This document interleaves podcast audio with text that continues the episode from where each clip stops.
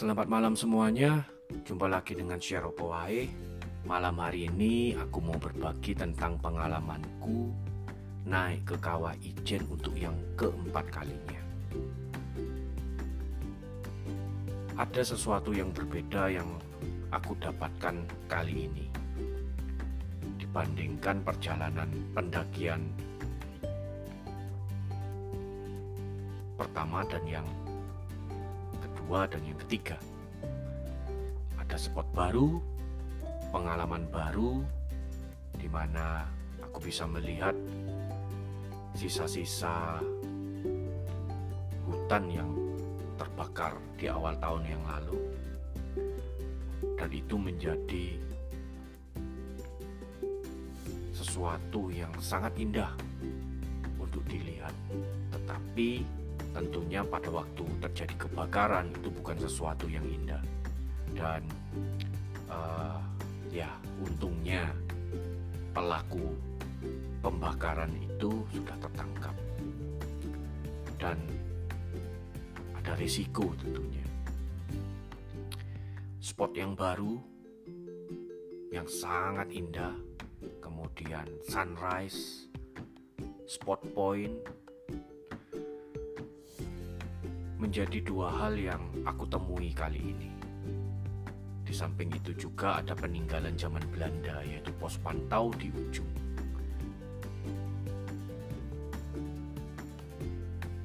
sangat indah.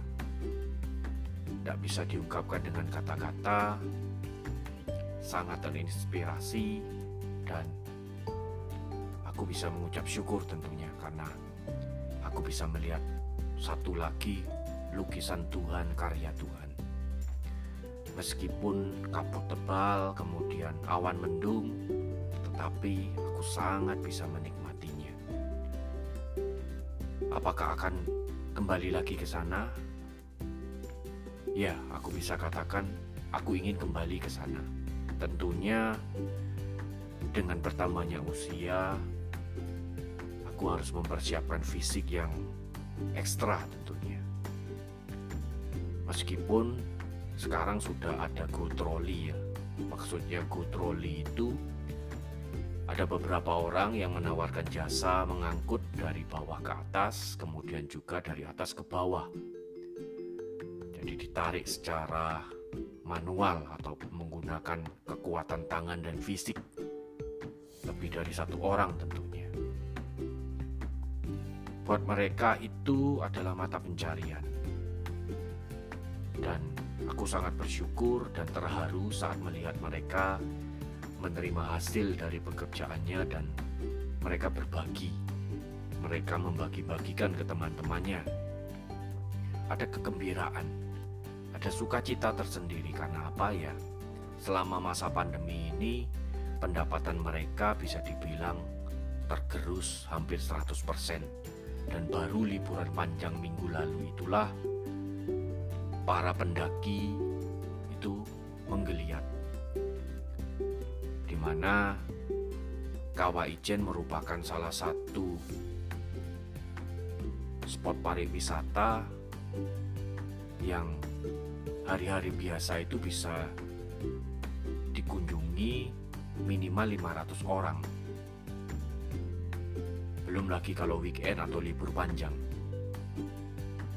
Turis-turis mancanegara itu banyak. Karena ya ingin melihat Blue Fire yang di dunia konon ada dua saja di Selandia Baru dan di Kawah Ijen Banyuwangi Indonesia.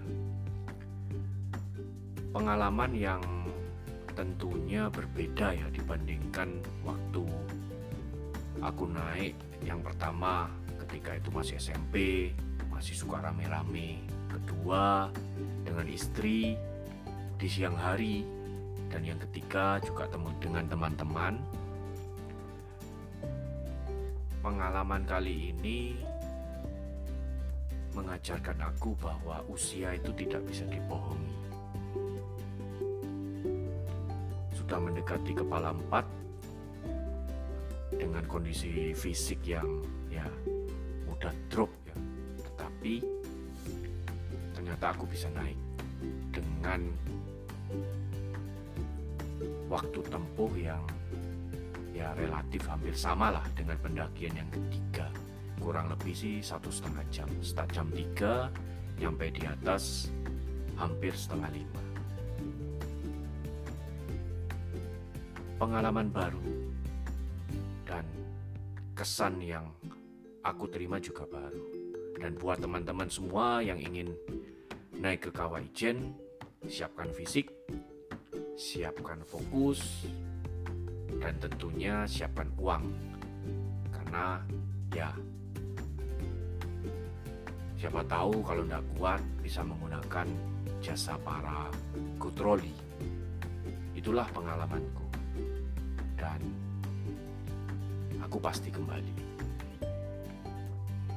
ke Kawaijen.